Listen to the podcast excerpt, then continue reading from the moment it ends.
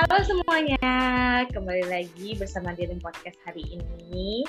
Uh, bersama aku Lala, hari ini kita akan ngobrol-ngobrol lagi tentang topik-topik yang ringan, tapi bisa kita bahas uh, sisi-sisi psikologinya juga. Nah, hari ini kembali aku nggak sendiri, aku kembali ditemani oleh teman. Hai, semoga uh, Kak Dewi, gimana kabarnya? Sehat? Alhamdulillah sehat. Luar biasa karena bertemu di link kembali. Baik, alhamdulillah. Semoga ya, semoga dengan hadirnya uh, di link bisa membawa kebahagiaan juga buat teman-teman yang lagi dengerin uh, di mana pun teman-teman berada. Oke, okay. Kak, specifically kita akan ngomong tentang anak tunggal. Nah, siapa tahu di sini ada teman-teman yang anak tunggal juga atau punya pacar anak tunggal mungkin punya suami atau istri anak tunggal hmm. ya atau Ribet yang banget pasti itu. berpikir mau punya anak cukup satu aja mungkin bisa dengerin podcast ini atau punya teman anak tunggal juga bisa jadi intinya semua orang bisa dengar lah ya topik ini tentang being the only child in the family kebetulan kebetulan ini kebetulan banget Kak Dewi adalah anak tunggal. yes. Dan kebetulan ini tuh. Aku juga anak tunggal. Jadi secara kebetulan jauh-jauh banget ya. Kita jauh-jauh banget topiknya. Betul. Emang paling enak tuh ngomongin diri sendiri kak sebenarnya. Hmm. Karena paling Bener. valid gitu kan, paling relate, paling valid, udah paling enak emang ngomongin diri sendiri. Dua anak tunggal akan membicarakan tentang kehidupan mereka menjadi anak tunggal itu kompleks sekali iya, pasti kompleks ya lah bukannya kata orang-orang yang jadi anak tunggal enak ya kak kan bisa mendapatkan apa pun yang kita mau dalam keluarga gitu kan Iya, kan itu semua, mungkin itu tanggapan orang-orang aja tahunya kayak begitu. Gitu ya. Emang realita yang dihadapi oleh seorang anak tunggal, kalau Kak Dewi gimana kak? Menurut halayak ramai ini kak jadi anak tunggal hmm. tuh enak banget karena you don't have to share ya kan kita nggak perlu hmm. sharing apa pun sama siapa pun gitu hmm. nah what do you think about that dulu apakah iya tidak perlu sharing itu enak apakah iya semenyenangkan itu gitu hmm. ya benar sih nggak perlu sharingnya tapi sharingnya berarti setiap positif dan negatifnya jadi yeah. kamu nggak perlu sharing yang nggak yang bukan nggak perlu sharing dan nggak bisa sharing gitu ya oke okay, dapat dapat uh, something good gitu dari orang tua. Misalnya dap, uh, dikasih apa apa segala macam yang mau dikasih siapa lagi kan pasti sama anaknya dong hmm. ya kan? hmm. nah tapi kalau misalnya ternyata ada trouble apa apa apa yang dimarahin siapa lagi? Ya anaknya. Ya enggak ya lu telen deh tuh ya. Ya lu lagi ya lu lagi gitu. Nggak ada lagi pilihannya. Nah, nah itulah bener. Ini dibuka langsung dengan curhat nggak apa-apa ya. Hmm, jadi memang menurut orang-orang di luar sana jadi anak tunggal itu yang pasti enaknya adalah kita nggak perlu share sama orang lain. Itu bisa jadi bagus bisa jadi enggak. Bisa jadi bagus karena ya itu Kak Dewi bilang everything's good gitu. Kita nggak perlu share sama orang lain ya pasti akan enjoy enjoy aja ya gitu. Kita akan senang senang aja ngejalaninnya. Hmm. tapi itu juga berlaku ketika kita punya problem punya ketidaknyamanan ya we have no one to share gitu kan. Kalau misalnya kita punya kakak atau kita punya adik kita bisa ngobrol sama mereka kita bisa curhat-curhat malam-malam gitu ya sleep over gitu kan bisa. Sedangkan kalau ini ya nggak bisa. Apalagi kalau aku pribadi ini di masa remaja aku itu cukup jadi isu karena zaman kita kan WA tuh belum kayak sekarang yang 24 jam. Malah nggak ada dulu SMS sama telepon. Dan untuk SMS sama telepon tuh masih mahal kan at that time. Masih masih ini. Jadi ya ya baru bisa cerita ya kalau di sekolah gitu. Kalau ketemu teman kayak gitu. Jadi ada enaknya ada enggaknya. Seperti semua hal yang ada tapi kalau ngomongin experience dulu nih kak mm-hmm. apa yang benar-benar Kak Dewi rasain sebagai keuntungan jadi anak tunggal tuh apa sih? ya apa apa ya banyak sih keenakannya uh, ya benar mak maksudnya uh, kalau kalau dibilang mungkin jadinya nggak punya apa ya dibilangnya mungkin saingan kali ya hmm. Nggak ada rivalry gitu. Uh, dalam dalam melakukan aktivitas apa pun gitu. Hmm.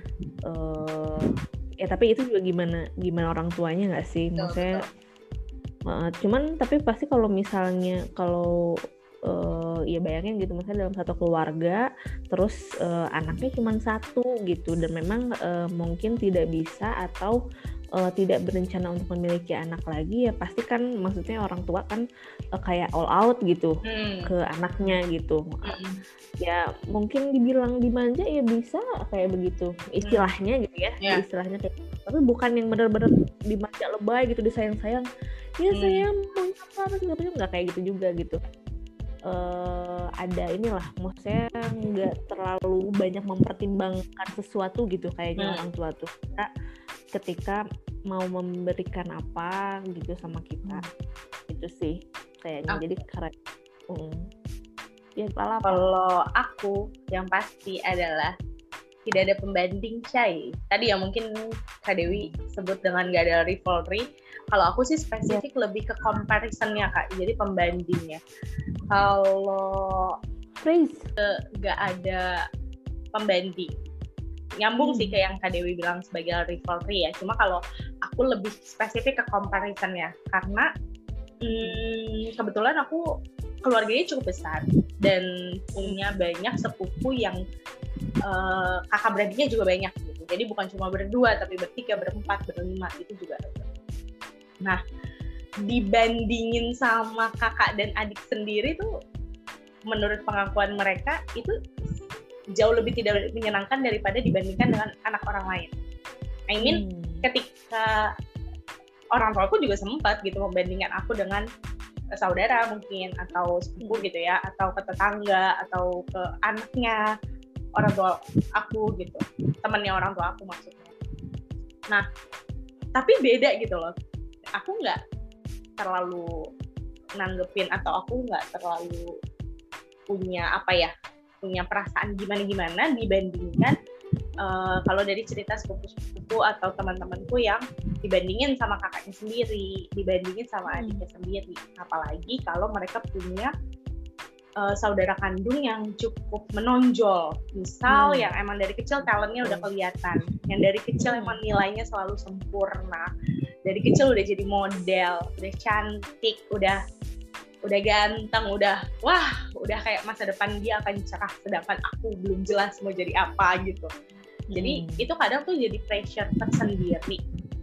Uh, kalau dari experience aku di sekitaran aku ya gitu. Sedangkan at that hmm. time aku merasa ya gue have no pressure because gue nggak punya pembanding nih jadi pun dibandingin sama eh itu temennya ayah ada loh anaknya yang kuliah di sini kayak ya udah itu kan temen anaknya oh iya iya.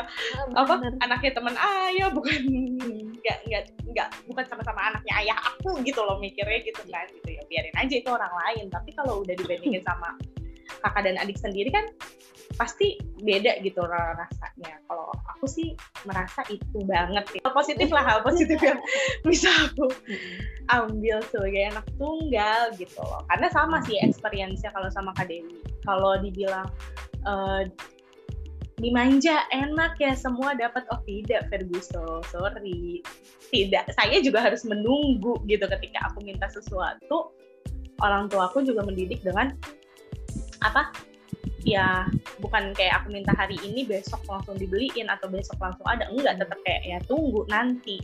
Tunggu habis gajian tunggu nanti akhir semester. Ada juga syarat-syarat kayak ya kalau nilainya bagus nanti mama hmm. beliin. Kalau apa uh, kalau raportnya bagus nanti uh, dikasih. Ada juga syarat-syarat kayak gitu. Kayaknya itu sesuatu yang hmm. umum ya gitu. Jadi nggak yang aku mau punya uh, handphone. Zaman dulu nih kan? Pengen banget punya handphone aku, gitu. dikasih Enggak, nanti juga. perlu nanti aja. Masih juga aku dengar kata-kata hmm. itu. Kalau Kak Dewi gimana? Sem apakah gitu juga atau ya semua yang diminta ada? Jadi berarti kita harus uh, ini dulu ya maksudnya menurutku persepsi persepsi orang tentang anak tunggal ya pasti kan kayak dibilang ah ini pasti disayang banget dimanja apa apa dikasih apa segala macam yang nggak belum tentu gitu. Uh, itu juga gimana gimana pola asuhnya juga seperti apa? Karena walaupun bisa sama-sama anak tunggal pasti uh, memang ada karakter yang sama tapi juga jadinya jadinya berbeda gitu. Betul, orangnya betul. gitu. Lo bayangin kayak orang kayak aku terus kayak kamu terus sama Enci.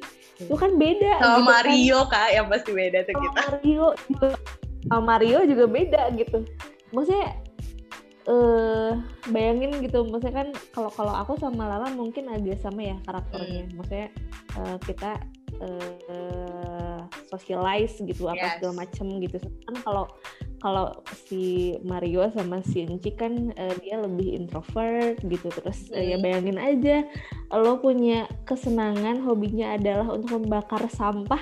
Aneh yeah, gitu kan gitu ya. Bener, cuma bener. pasti ada tapi pasti aja ada yang aneh gitu dari anak tunggal. Bukan bukan ada yang aneh sih. Memang mungkin karena karena keseringan main sendiri kali ya. Betul betul lebih banget untuk uh, melakukan kegiatan sendiri walaupun serame-ramenya uh, jadi orang gitu kayak hmm. misalnya aku sama Lala gitu kan maksudnya kan memang kesannya suka untuk bersosialisasi apa segala hmm. macam tapi pasti tapi pasti uh, ada kalanya lebih nyaman untuk sendiri iya nggak yes. sih Iya benar-benar. Dan maksudnya nggak mau bener-bener nggak mau diganggu gitu sama orang gitu. Itu pasti ada kayaknya kayak gitu gitu. Mm. Nah jadi ya memang memang semuanya itu gimana pola asuh dari si hmm. orang tuanya sendiri sih gitu dan hmm. maksudnya nggak pengertian dimanjanya itu uh, mungkin uh, beda gitu persepsinya dengan uh, apa yang dikira sama orang gitu hmm. ya kalau misalnya dibilang ya, yang tadi aku bilang gitu ya namanya juga anak satu-satunya ya hmm. pasti maksudnya uh, ya ketika mau memberikan sesuatu sama uh, anaknya pasti memang uh, pertimbangannya nggak serumit kalau misalnya uh, punya anak yang lain gitu kan kalau sama hmm. kalau ada anak yang lain kan oh si ini dikasih berarti si ini juga harus dikasih yeah. gitu gimana kan nah, tapi kan kalau misalnya ketika anak tunggal ya oke okay, ini mungkin akan di mau minta pun kita akan kasih. Tapi kan maksudnya orang tua kan pasti ada pemikiran juga. Ini tapi kalau misalnya langsung dikasih anaknya jadi misalnya uh, terlalu terlalu dimanja atau gimana gitu. Jadi supaya dia ada usaha untuk meraih itu jadi mungkin pakai cara orang tuanya lala gitu. Jadi hmm. kayak uh, ada reward and punishment dan segala macam supaya untuk uh, dia bisa uh, bisa mencapai apa keinginannya gitu kan? Betul betul. Biasanya. Hmm. jadi mungkin benar tadi kata Kak Dewi. Definisi memanjakan itu mungkin harus di dipertajam lagi gitu ya maksudnya memanjakan apa? Yang orang tuh menyamaratakan apa yang dianggap dengan manja dengan yang dianggap orang lain manja gitu. Kalau menurut aku pribadi kalau orang tua dengan only child ya cuma punya anak satu wajar banget kalau seluruh perhatian uh, apa namanya kasih sayangnya di, dicurahkan benar-benar ke anaknya ini ya. Karena ya tadi dia nggak dia nggak perlu membaginya me, menjaga perasaan anak yang lain gitu kan. Jadi benar-benar ya udah hmm. satu ini aja gue giniin ya. Ya dia yang akan ngerasain gue gimana yang akan dia yang ngerasain.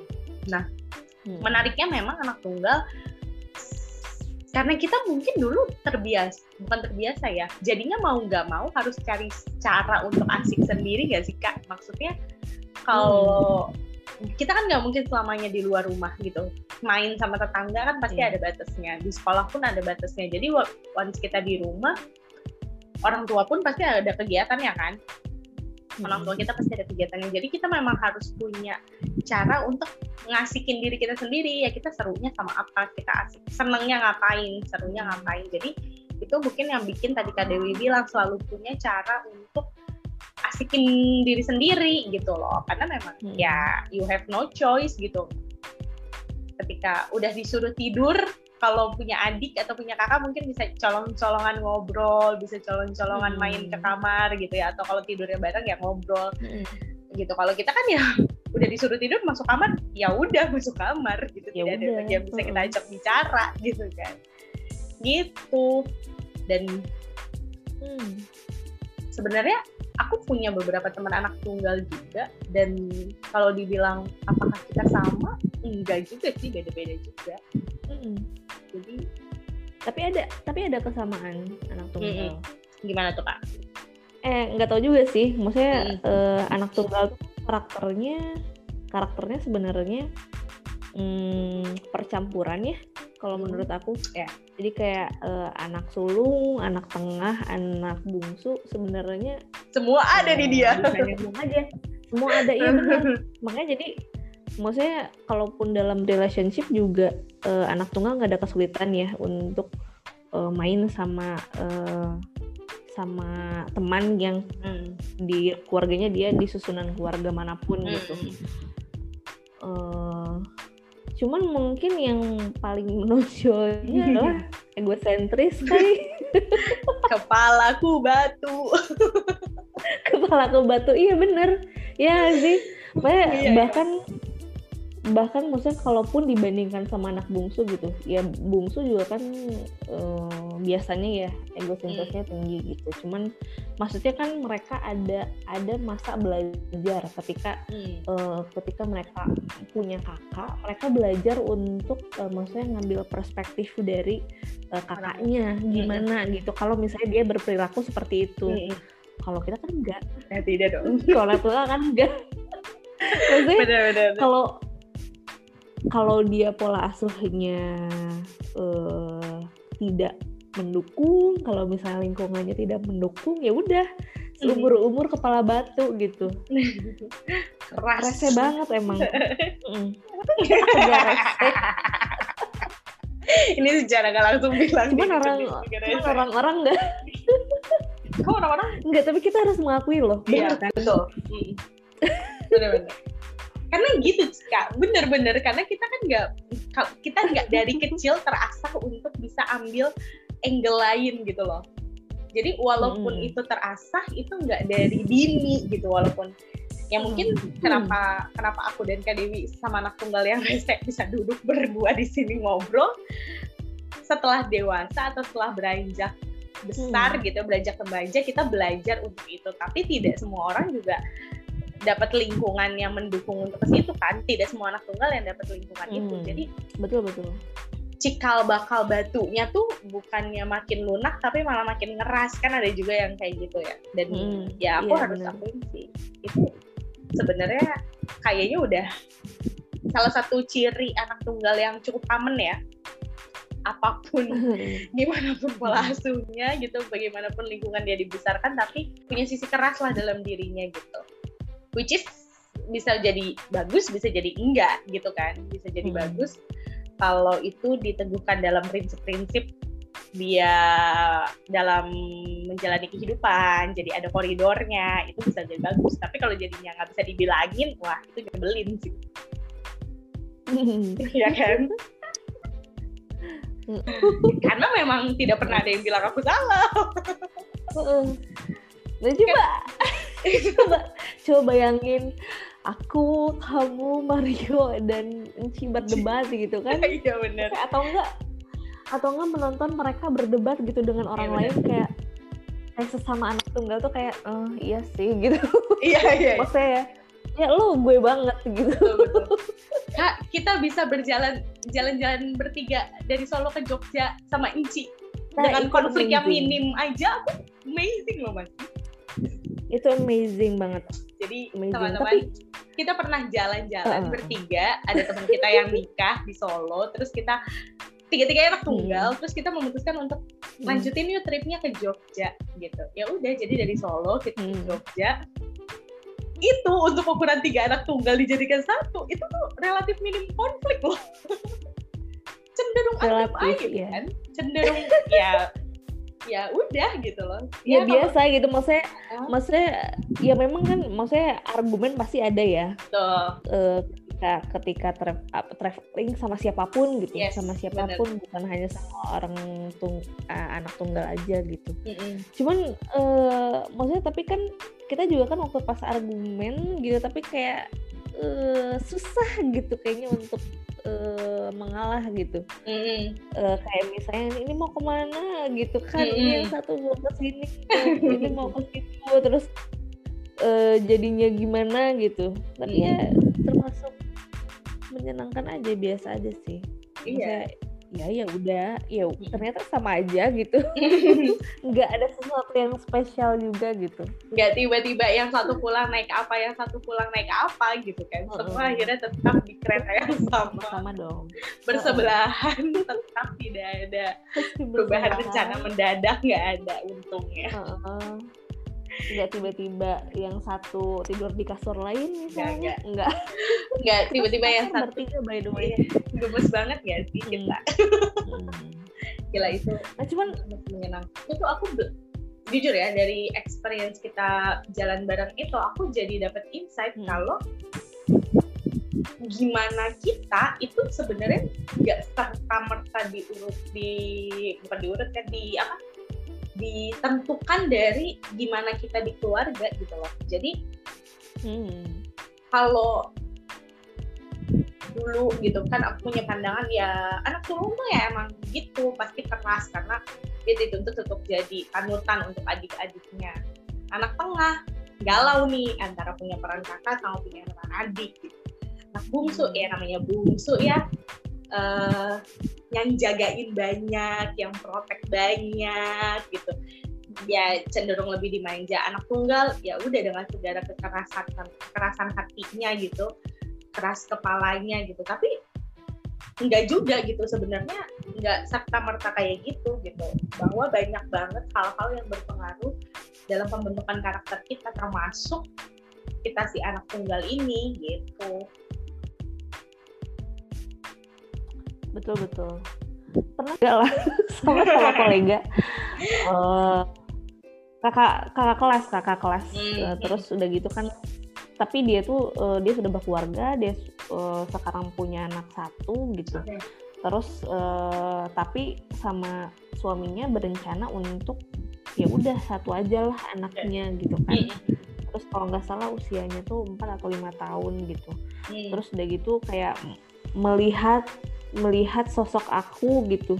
Hmm. terus dibilangin uh, terus baru tahu kalau ternyata aku tuh adalah anak tunggal gitu. Maksudnya nggak kelihatan kata dia hmm. gitu. Udah di mana? gitu kan. Iya. nggak kelihatan.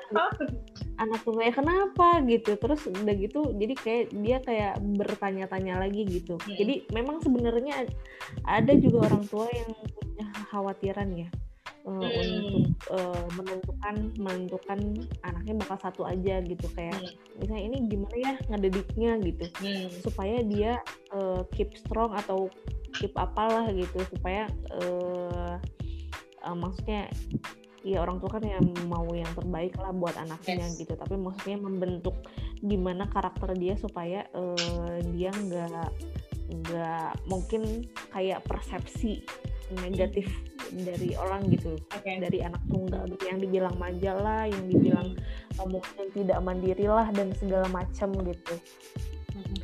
nah tapi uh, ketika orang lain berpikiran seperti itu kan berarti berarti ya uh, tidak semua tidak semua berpikiran bahwa anak tunggal itu harus begini begini begini gitu kan ketika misalnya anak tunggal tapi orang tidak menyangka aku adalah anak tunggal kan berarti ada sesuatu positif yang positif gitu yes. yang di, yang dipikirkan sama orang gitu bahwa oh nggak semua anak tunggal eh, apa ujungnya bakal kayak begini gitu atau kayak begitu gitu. Iya. Gitu gitu. Benar sebenarnya itu jadi stereotip sih kak. Kalau anak tunggal itu manja anak tunggal itu egois hmm. anak tunggal itu nyebelin. Mungkin ada stereotip yang benar. Mungkin uh, apa egoisnya ada manjanya ada tapi tergantung kadarnya aja gitu. Kalau kita di dulu belajar ya ada spektrum lah ya gitu. Ada ada kadarnya. Jadi manja kalau dalam batas wajar dan hanya ditunjukkan pada circle tertentu dia misal sama pasangan sama keluarga ya sebenarnya fine fine aja kan. Tapi kalau manja itu dibawa ke lingkungan semua orang harus ngerti dia semua orang harus mungkin mau dia ya baru itu yang nyebelin. Kayak kayak gitu. Mungkin karakter karakter kayak gitu kali ya yang dikhawatirkan orang tua akan tumbuh ketika anaknya hmm. being the only child in that family gitu. Nah, hmm. kalau gitu berarti kak sebetulnya salah satu kita nggak bisa nyalain orang tua ya, apalagi orang tua dengan anak tunggal ya tadi. Anaknya hmm. cuma satu ya wajar dong dia 100% dia kasih buat anaknya. Tapi biar iya. gimana ada pola asuh atau ada bagian dari pola asuh walaupun nggak keseluruhan ya tapi ada bagian dari pola asuh tersebut yang sebetulnya membentuk sikap-sikap itu ya kan kalau kayak gitu hmm. Berarti kalau itu adalah bagian dari pola asuh itu juga bisa dikondisiin dong buat nggak nggak nggak bikin kita jadi kayak gitu gitu. Nggak nggak membuat anak yeah, yeah, yeah. kayak gitu ya nggak? Mm -mm. betul betul. Nah cuman nih memang uh, apa ya? Memang uh, walaupun misalnya pola asuh itu gimana orang tua tapi tetap harus dipikirkan juga nggak sih maksudnya ketika ketika ketika memang mau berencana untuk punya satu anak ketika dia berarti kan tidak bis tidak punya kakak atau tidak punya adik tapi maksudnya kayak uh, memfasilitasi anaknya untuk supaya uh, supaya nge-fill in sesuatu yang kosong ketika tidak ada kakak dan adik gitu. Hmm. Gimana ya? Kayak mungkin memperluas uh, ininya lingkungan sosialnya ah. dan segala macam gitu. Karena ya pasti hmm, ya kalau misalnya nggak mau nggak mau punya anak tunggal yang jadinya egois dan segala macam berarti kan si orang tua itu harus uh, menanamkan nilai-nilai berbagi dan segala macam nggak perlu uh, nggak perlu sama sama teman sebayanya juga sih nggak apa-apa cuma maksudnya kayak kayak diajak untuk uh, misalnya sama orang tua juga sama ya karena kalau misalnya anak tung anak tunggal itu kadang karena nggak punya kakak nggak punya adik pasti konfliknya sama orang tua. betul. Itu mah, itu mah tidak itu mah tidak bisa dihindari gitu. Betul.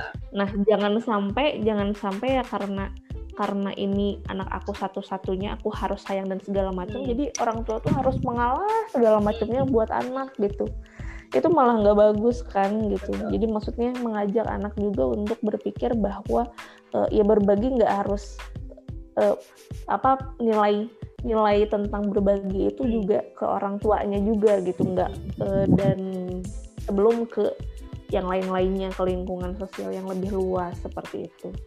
Betul betul.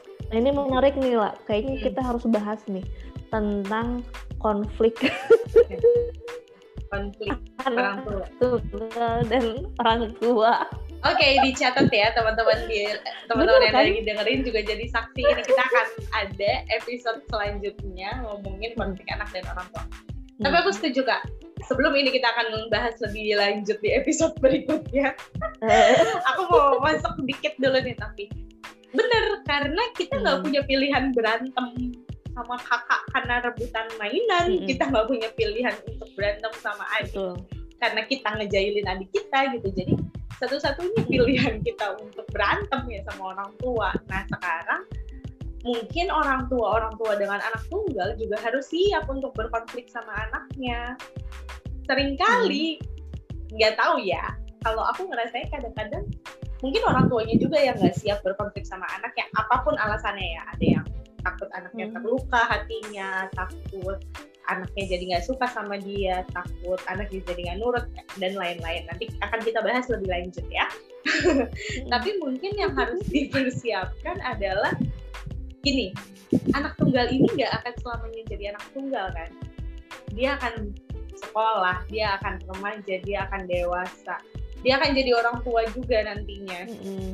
jadi yang harus dipersiapkan adalah anak ini nggak akan selamanya sendirian anak ini nggak akan selamanya yang dihadapi hanya dirinya sendiri dan orang tuanya.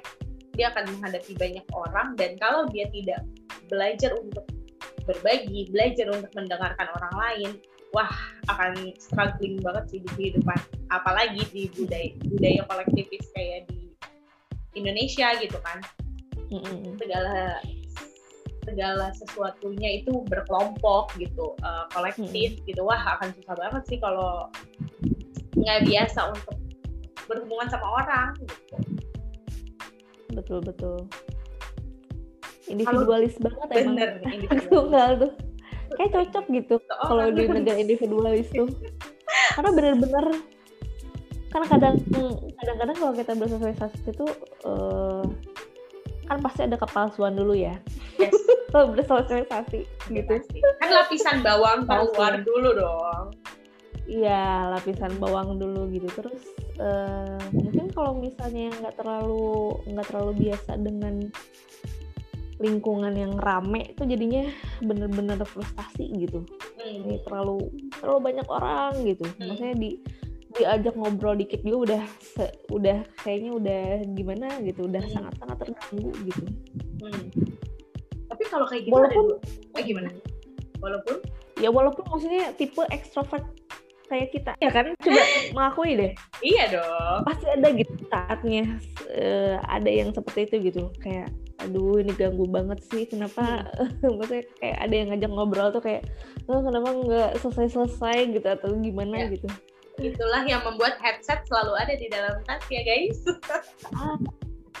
zaman sebelum pandemi kenapa headset selalu ada? Salah satunya untuk hmm. itu nah tapi kak aku jadi mikir berarti ada dua ada dua kemungkinan yang bisa terjadi di anak tunggal.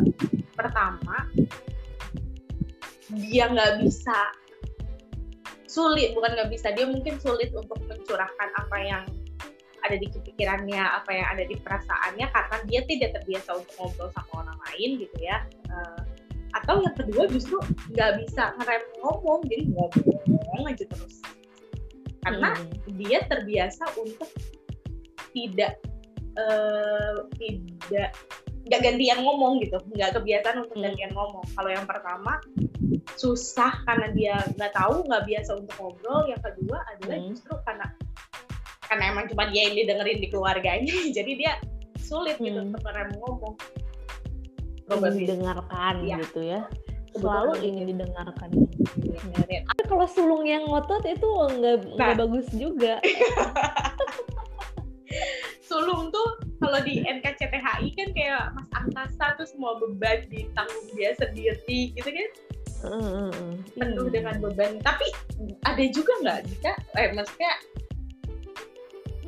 kalau sulung itu suka dijadi suka ditutup tutup jadi sempurna karena jadi contoh buat adik-adiknya bukankah hal itu juga bisa banget anak tunggal terjadi di anak tunggal? Karena you're my only child jadi hmm. uh, do what I say gitu kan. Kamu harus jadi perfect karena mama cuma punya kamu gitu. Kamu harus jadi kayak gini karena kata apa kata apa kayak gitu. Tuntutan itu juga bisa berlaku kan buat anak muda bukan bisa berlaku aja memang oh, selalu, selalu. memang selalu seperti itu ya nggak sih? Iya iya dan itu dan itu adalah jadi harus uh, menjadi catatan bahwa itu adalah salah satu hal yang nggak enak jadi anak tunggal okay. menurutku hmm. oke okay, apa nih nggak ada, gak ada siapa lagi nggak ada nggak ada siapa pun yang diharapkan lagi kan iya hmm. ya nggak sih maksudnya hmm. ada kalau misalnya uh, secara pribadi ya kalau misalnya kan kita suka sirik tuh sama orang hmm. yang uh, punya kakak atau adik gitu kan yes. kayak Eh, keluarga punya anak tiga gitu terus mm -hmm. yang memang memang kalau misalnya mereka curhat iya nggak nggak enak dibanding-bandingin terus aku dibodoh-bodohin misalnya mm -hmm. aku pinter banget gitu apa segala macam gitu terus tapi kan sebenarnya mikirnya gini oh itu bagus nih misalnya anak pertamanya dia misalnya udah masuk ITB gitu kan mm. kuliahnya gitu terus uh, ya udahlah kan udah ada kakaknya ini gitu yeah. gue bebas dong bisa jadi apa aja ya nggak yeah. pernah nggak berpikiran seperti bener, itu bener. gitu tapi sedangkan ketika ketika anak tunggal oh.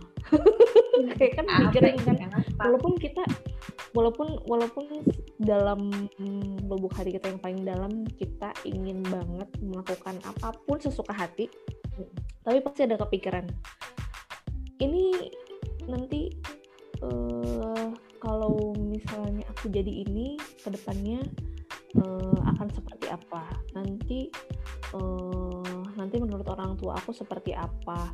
Hmm. terus uh, pandangan orang tua aku kayak seperti apa? Terus hmm. kalau misalnya aku nanti tidak uh, bisa memenuhi keinginan mereka nanti seperti apa? Hmm. pasti ada gitu. Itu sangat beban banget ya terutama kalau misalnya usianya uh, bertambah. Oh, banget. Ada harapan-harapan yang semakin makin bertambah semakin, ya betul. Itu lah nggak enaknya. Benar sih. Uh, tadi kan aku sempat bilang di awal kalau enaknya jadi anak tunggal nggak ada pembanding. Tapi hmm. apa sama seperti setiap hal di dunia ini punya sisi positif dan sisi negatif. Sisi positifnya nggak ada pembanding sisi negatifnya ya jadi semua lu telen dah tuh. Harapan harapan ya hmm. telen deh. Tuntutan tuntutan ya telen deh gitu. Kalau ya benar kalau hmm. Tadi ada teman-temanku yang dibandingin karena kakaknya lebih cemerlang atau adiknya lebih sempurna gitu nggak enak hmm. tapi jadinya mereka lebih bisa memilih apa yang mereka mau tapi kalau hmm. kita ya kita yang harus regulasi itu sendiri gitu karena ya harapan hmm. cuma bisa dituntutkan pada kita tuntutan cuma bisa diberikan pada kita kalau kita punya sesuatu pun kita harus pintar-pintar mengelola itu pintar-pintar menyampaikan itu sih supaya hmm, apa ya supaya bisa ketemu di tengah gitu tapi ya kan gak gampang juga ya uh, bicara sama orang tua tentang diri kita tanpa harus hmm. Bisa terbuka tanpa harus menyakiti atau menyalahkan orang tua itu kan juga nggak nggak gampang. Apalagi kalau memang hmm. keinginan kita bertentang dengan orang bertentangan dengan orang tua kita. Ada ketakutan gitu loh kan jadi kayak terlalu hati-hati jadinya karena kalau mau ngomong sama orang tua aja kayak hati-hati banget. Jangan sampai nih gue udah anak satu-satunya bikin sedih orang tua mulu kerjaannya gitu kan. Jadi kadang tuh itu kebawa juga. lebih kayaknya. Hey. mungkin eh. bisa dicontoh bisa diberikan contoh. Apa ya? Contoh. apa nih? Contoh paling realnya oh contoh paling real. Jurusan kuliah. Hmm. itu real oh. banget ya real banget. Waktu itu aku sempat tuh punya perdebatan lah sampai berantem sih untungnya enggak ya tapi perdebatan yang cukup panjang sama orang tua aku tentang jurusan kuliah karena mereka punya pandangan kalau jurusan yang mereka pilihkan untukku itu lebih baik akan menjanjikan masa depan yang lebih baik akan punya karir yang lebih baik daripada jurusan yang aku pilih. Gitu. Dan aku nggak mau banget. Teknik. Bayangkan aku malah masuk wow. teknik sangat tidak aku bukan. sangat tidak aku. bayang banget. Asli. Iya. bukan ya emang enggak gue aja gitu loh. Bukan gue hmm. aja gitu. Jadi kalau ditanya kenapa nggak mau masuk teknik ya enggak mau gitu. Ya enggak gue hmm. aja gitu. Kan menjelaskan kalau aku tertariknya di bidang psikologi dan I did some research kok untuk uh, masuk psikologi itu akan belajar apa, keluarannya akan prospek kerjanya akan apa aja, apa aja, apa aja gitu. Itu juga bukan sesuatu yang mudah gitu untuk membuat mereka uh, orang tua aku bisa menerima keputusan aku dan ya itu karena kita anak tunggal kasarnya adalah nggak nggak terlatih gitu untuk untuk berdiplomasi itu kita nggak terlatih gitu karena kita biasa straightforward aja aku mau ini aku mau itu aku mau ini aku mau itu. Tapi untuk apa berdiplomasi untuk bilang kalau aku maunya ini karena ini ini ini ini dengan segala macam alasan dan harus terus-terusan kan itu nggak nggak sekali aku ngomong langsung oke okay, nah kamu boleh jadi apa pun. Enggak nggak langsung kayak gitu gitu. Mm. panjang prosesnya dan untuk tetap teguh berproses di situ tanpa membuat uh, orang tua jadi sakit hati kan juga PR ya gitu tanpa membuat orang tua jadi merasa tidak didengarkan merasa anaknya nggak nurut gitu kan itu juga PR sebetulnya. Kalau aku sih udah gitu kan nggak punya sandaran lagi. Nah, udah gitu tolong kalau bantuin dong bang uh, uh, iya iya saat nah persis kak persis saat ada temanku yang punya experience sama walaupun jurusannya beda ya tapi gitu sama jurusan hmm. dia inginkan ditentang oleh orang tuanya dia bisa dibantuin ngomong sama abangnya yang udah duluan kuliah gitu. Jadi hmm. bisa ngasih perspektif lain. Sedangkan kalau aku kan aku harus fight for myself gitu loh. Enggak aku mau ini aku mau ini gitu. Jadi uh, salah satu tantangan terbesar aku selama aku menjadi sama aku jadi aku tunggal emang akan anak tunggal maksudnya experience aku yang cukup gede sedang hmm. kayaknya aku juga sama dari ya kuliah. Uh, bener waktu pas kuliah. Hmm. kamu tahu aku pengen jadi apa dulu? Jadi apa? Musician. Oke. Okay. kayak banget. Kak Dewi ini btw dia apa? Apa sih kak istilahnya? Pemain biola apa? Vio violis. violis. Violinis. Violinis. Violinis. Violinis. Gitu guys. Ya. Hmm. memang maksudnya interest terhadap musiknya tinggi ya dulu dulu tapi dulu sebelum naga laping menyerang uh, maksudnya hmm. sampai sampai uh, ikut course gitu kan hmm.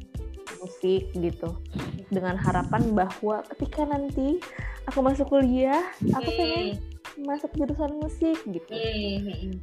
terus udah gitu sempet juga waktu pas SMA kan karena uh, apa ya SMA kan dulu belajarnya bahasa Jerman ya dulu Jerman. terus kemudian terus ada kayak kerjasama gitu hmm. uh, si sekolah sama sama universitas yang ada di sana ah, gitu iya, terus iya. kayak ada keterbukaan kan uh, di Jerman itu banyak ya untuk uh, jurusan musik gitu terus ada terbuka hmm. Beasiswa segala macam gitu udah kayak terbayang-bayang hmm. ah aku ingin aku ingin hmm. main ke mana hmm. segala macam gitu terus udah mau daftar juga gitu terus ditanya lah sama tua hmm. mau ambil jurusan apa gitu kan hmm. ketika SNMPTN hmm. ketika SNMPTN mau ini jurusan musik gitu hmm. Atau enggak aku mau ikut itu beasiswa. Terus gitu oh gitu. Oh aja baru oh, oh, oh aja, aja. oh baru oh aja. Tiba-tiba pas ngumpul keluarga besar ditodong tiba-tiba. Jadi kayak nggak tahu ya maksudnya kayak nyari backupan gitu sama keluarga oh, besar okay, okay, okay. orang tuanya kayak kamu mau ngambil jurusan musik mau jadi apa? Belum gitu. Hmm. cuman maksudnya tapi udah paham ya maksudnya anak SMA waktu itu hmm. memang dunia dunia dunia permusik musikan kan nggak prospek kerjanya kan hmm. sulit lah gitu. Hmm. sulit kalau tidak ada kekonsistenan. Itu sangat sulit gitu. Uh, dan memang maksudnya prospek masa depannya juga nggak jelas bukan ya I'm so sorry kalau menyinggung seseorang tapi memang uh, kurang jelas gitu dibandingkan uh, dengan kalau misalnya uh, milih jurusan-jurusan kuliah yang uh, jelas uh, nanti pet karirnya ah. akan hmm. seperti apa gitu kan kayak gitu gitu terus akhirnya jadinya kan konflik tuh konflik hmm. batin uh banyak banget gitu sampai sampai akhirnya benar-benar nggak tahu harus milih apa dan uh, ya udah coba-coba hmm? milihnya milihnya waktu pas SNMPTN juga akhirnya benar-benar nggak ada yang nyambung okay. itu tiga pilihan waktu itu hmm. ngambil yang IPC hmm. uh, jurusan yang pertama pilihan pertamanya itu teknik uh, teknik industri wow. ITB gue teknik juga. Sama cuy. Kenapa sih kita? Ih. Pilihan yang pilihan yang keduanya adalah psikologi unpad yang ketiganya hukum unpad. Di mana nyambung? Gimana gimana? Terus udah gitu ngambil swasta. Uh? udah gitu ngambil swasta jurusan arsitektur unpar. Oh oke. Okay. tapi itu maksudnya uh, ketika aku jadi anak psikologi tapi aku jadi paham gitu kan. Hmm. oh maksudnya memang se jadinya sebingung itu ya. Kayak, kayak ini tuh ke mana-mana gitu ya gitu. Hmm. tapi maksudnya tapi konflik-konflik seperti ini kan sebenarnya bisa ditemukan juga nggak nggak cuma di anak tunggal ya.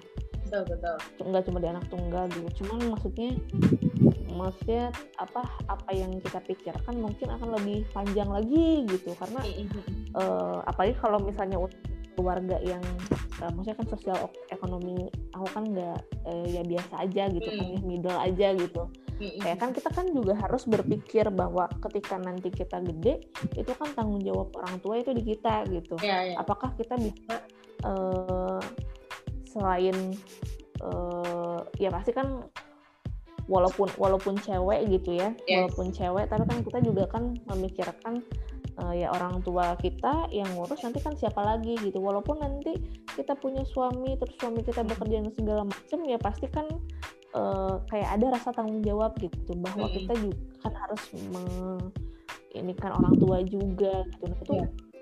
panjang banget gitu lah betul. pikiran. Tapi itu banget benar banget kak. Itu juga terjadi di aku sebetulnya. Hmm. uh, bukan bukan artinya orang tua menjadi beban ya tapi Hmm. Uh, kalau orang bilang anak tunggal itu nggak mau jauh dari orang tua karena si anaknya yang nggak siap untuk lepas dari orang tuanya itu tidak terjadi di aku. Tapi yang terjadi aku tidak siap untuk lepas dari orang tua. Itu konteksnya adalah once mereka butuh terus mereka sama siapa? Gitu loh. Jadi bukan hmm, bukan yeah, iya. kayak aku nggak mau jauh dari orang tua karena nanti aku gimana tapi justru mm-hmm. kalau aku sama tuh kayak Kak Dewi gitu. Gimana biar gimana pun orang tua itu uh, ya mereka mau bersandar sama siapa lagi sih kan kalau nggak sama gue gitu kan. Jadi mm-hmm. salah satu hal yang aku tuh sama pengen banget sekolah di Jerman. Entah kenapa kita sama lagi. Wow kita banyak sekali aku nggak bohong.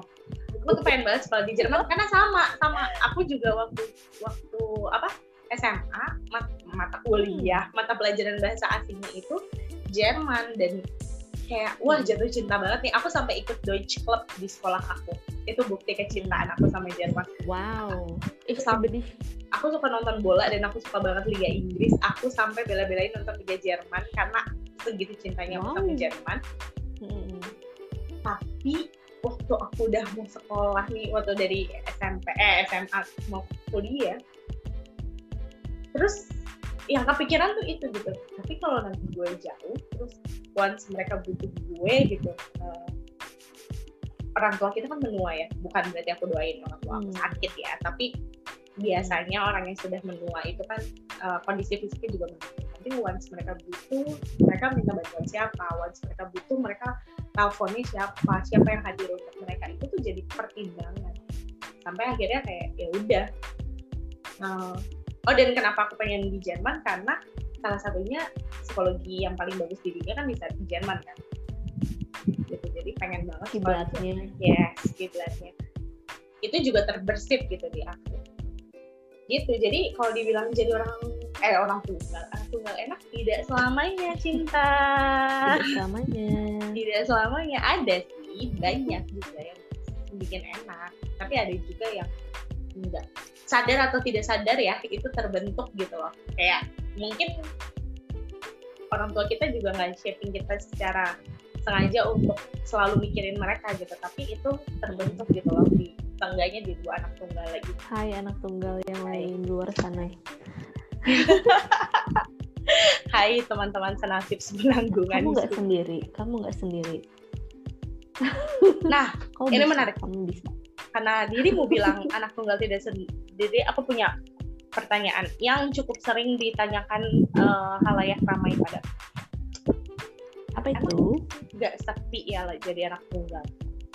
Emang lo nggak kesepian jadi anak tunggal? Enggak bisa aja Enggak ada, aku mah banyak temennya. Kalau aku aja kali nggak punya temen. aku juga kayak mau jawab enggak, kok biasa aja. Tapi kayak kalau congkak gitu enggak ya, itu nggak congkak. Ya. Tapi tapi pasti ada lah saat-saat di mana kesepiannya. Maksudnya kayak kayak yang tadi dibilang kan waktu pas ketika ada konflik apa gitu di dalam keluarga kan kita pasti butuh sandaran kita butuh hmm. diskusi gitu butuh sesuatu nah kita kita nggak ada gitu hmm. dan itu ada kalanya memang merasa sepi sendiri gitu bukan bukan benar-benar kesepian gitu ya, kayak. Kenapa sih jadi maksudnya aku yang harus memikirkan exhale. nah, ini juga menarik kak. Jujur kalau aku pribadi ditanya kesepian apa enggak enggak jawaban. Tapi mungkin hmm. kalau aku karena faktor aku cukup dekat sama sepupu-sepupuku. Jadi hmm. um, dulu kan jadi. nenekku kan tinggalnya di Jakarta, aku di Bekasi. Jadi secara akses tuh hampir tiap minggu kita ketemu dan sepupu yang lain tinggalnya masih di Jabodetabek lah. E, namanya keluarga besar ya ada aja yang nikahan siapa lah, lamaran si inilah, yang ya banyak lah acara-acara keluarga yang mempertemukan aku uh, sama saudara-saudaraku yang lain. Yang kedua, uh, ya itu tadi Kak Dewi, Kak Dewi sempat singgung kalau aku tipe yang sama Kak Dewi ini sama-sama suka ber, ber apa ya menjalin relasi gitu sama orang lain suka temenan gitu loh temenan sama si ini ngobrol sama si ini ngobrol. Jadi di sekolah ada teman ngobrol di tempat les ada teman ngobrol akhirnya kata temennya banyak hmm. uh, dan alhamdulillah pertemanan yang cukup bisa mengisi cangkir aku gitu loh. Gitu. Hmm cuma kalau dibilang ada momen-momen sepi ya pasti sih gitu. Apalagi ya itu kalau sekarang mungkin dipermudah dengan kita tuh nggak ada jarak karena ada teknologi. Seperti kita sekarang ya terpisah kota tapi bisa tetap mm. ngobrol bareng-bareng. Tapi kalau dulu kan eh, nggak uh, gini gini. Jadi ada momen-momen kayak mau like, apalagi kalau lagi ada problem. Terus kayak aduh gue mau cerita tapi nggak tahu sama siapa gitu kan. Aduh gue mau ngobrol atau ada pertanyaan-pertanyaan yang sungkan untuk ditanyakan ke orang tua dan aku nggak bisa nanya itu ke kakak aku gitu loh karena aku nggak punya kakak hmm. gitu misal gitu perkara menstruasi misalnya gitu kan atau uh, ada desire desire naksir naksir kan kayaknya kalau langsung curhat oh, sama wow. orang tua agak-agak ngeri ya Syai gitu karena waktu itu. Kalau aku sih karena orang tua aku memang cukup udah lagi sekolah nggak usah pacaran dulu. Cukup kayak gitu gitu. Jadi hmm. mau cerita ada taksir taksiran atau aku lagi dideketin siapa gitu kan juga agak-agak nggak bisa gitu saat itu. Jadi kalau dibilang lonely enggak. Tapi momen ketika sepi ketika gue, gue mau cerita tapi nggak tahu sama siapa itu hmm. sih ada. Ada ada Betul. stereotip ya stereotip yang berkembang di masyarakat itu ada yang benar hmm. tapi ada juga yang enggak. Betul betul. Nah anak tunggal juga manusia biasa guys. Enggak semuanya rese kok. Enggak enggak semua. Atau kalaupun rese iya kalaupun ya rese kadarnya ada kadarnya. Hmm, ada yang masih bisa ditoleransi ada yang hmm, cukup bikin menghela nafas, ada yang ya begitulah. ya, Mungkin nanti harus dibahas juga, dibahas juga ini pasangan uh, pasangannya anak tunggal. Hmm, itu kayaknya. Silakan. Banyak keluhan oh, kita ini ya menampung komplain-komplain dari pasangan-pasangan ya anak tunggal. Baik, Anda boleh komplain siapa pun Anda, baik itu sulung bungsu hmm. maupun tengah. Tapi kalau sesama tunggal, wow. Sesama tunggal Uh, gimana itu ya? Amazing. itu amazing, bisa bertahan. Ada nggak ya? Maksudnya kalau di circle aku sih nggak ada ya sesama. Dulu aku punya pacar anak tunggal juga. Dan how it works. Dan uh, itu luar biasa. wow, itu menyulut emosi banget. Gitu. Egonya sama tinggi. Egonya yeah. bener-bener sama-sama tinggi. Wah, luar biasa. Laki-laki egonya itu. sudah cukup tinggi, ditambah hmm, ditambah dia anak tunggal terus berpacaran dengan anak tunggal yang gak mau kalah uh berapa bulan kak bertahan? Uh, alhamdulillah uh, melewati satu tahun. Alhamdulillah tapi udah gitu tapi udah gitu rusak semua. Bubar, oh, bubar. selesainya benar-benar selesai sudah sampai selesai. ya. kayak oke okay, kayak, lo gue N gue udah gak mau. Lo gue N gak usah. Udah gak usah kenal lagi. Udah gak usah. Jadi kalau berteman dengan mantan dalam case ini no no ya. No, no. Aduh, tapi seru juga ya. Mungkin nanti kita harus kita harus cari nih kak. Ada nggak ya orang yang bisa menjalin intimate relationship ya, romantic relationship kalau yang sesama anak tunggal gitu nanti. Seru juga tuh kalau kita tanya experience-nya hmm. gimana. Hmm. Siapa tahu ada yang lagi dengerin ya yang lain coba uh, Diling membuka Diling membuka coba nanti kalau siapa tahu ya yang dengerin ada yang apa namanya ada yang punya kriteria tersebut memenuhi kriteria tersebut mm. yuk nanti kita sama-sama ngobrol karena seru ya seru banget gitu loh ngebayangin anak tunggal dan anak tunggal bersama oke okay, kak nggak berasa udah hampir sejam nih kita ngobrol Mega seru banget, gila. Seru banget, ya. Ngomongin diri sendiri tuh emang selalu menyenangkan ya. Iya benar-benar. Ngetawain hmm. diri sendiri tuh selalu menyenangkan. Kalau misalnya Betul. ditanya pesan-pesan untuk anak tunggal di luar sana atau untuk orang tua yang punya anak tunggal ya. Pesan-pesannya. Pesan-pesannya sama aja kayak tadi kali ya. Tenang nak, kamu tidak sendiri. sendiri uh, kita tarik nafas terus hmm. uh, hembuskan perlahan gitu. Hmm. coba uh, uh, amati amati di sekitarmu siapa yang bisa kamu ajak bicara gitu. Hmm. berbagilah berbagilah uh, beban di pundakmu itu supaya kamu tetap berbahagia begitulah. Luar biasa. Luar biasa loh closing statement ya. Berbagilah beban di pundakmu agar kamu juga bisa berbahagia kalau dari aku apa ya? Hmm, everyone is fighting their own battle sih. Jadi hmm. jangan merasa kalau hanya dirimu yang fighting on something tapi setiap orang juga pasti fight for something. Uh, justru itu uh, yang membuat kita apa ya punya kesamaan justru itu yang bisa membuat kita saling menguatkan, saling sharing dan juga saling menguatkan satu sama lain. Gak cuma kamu lah pokoknya yang punya peristiwa yang gak enak orang lain pun juga. Jadi hmm. yuk sama-sama kita saling menguatkan. Itu sih kalau hmm. dari aku. Terima kasih banyak loh Kak Dewi atas sharing-sharingnya sama-sama Ibu Sebagai anak tunggal sudah menemani anak tunggal juga untuk berbincang-bincang di sini.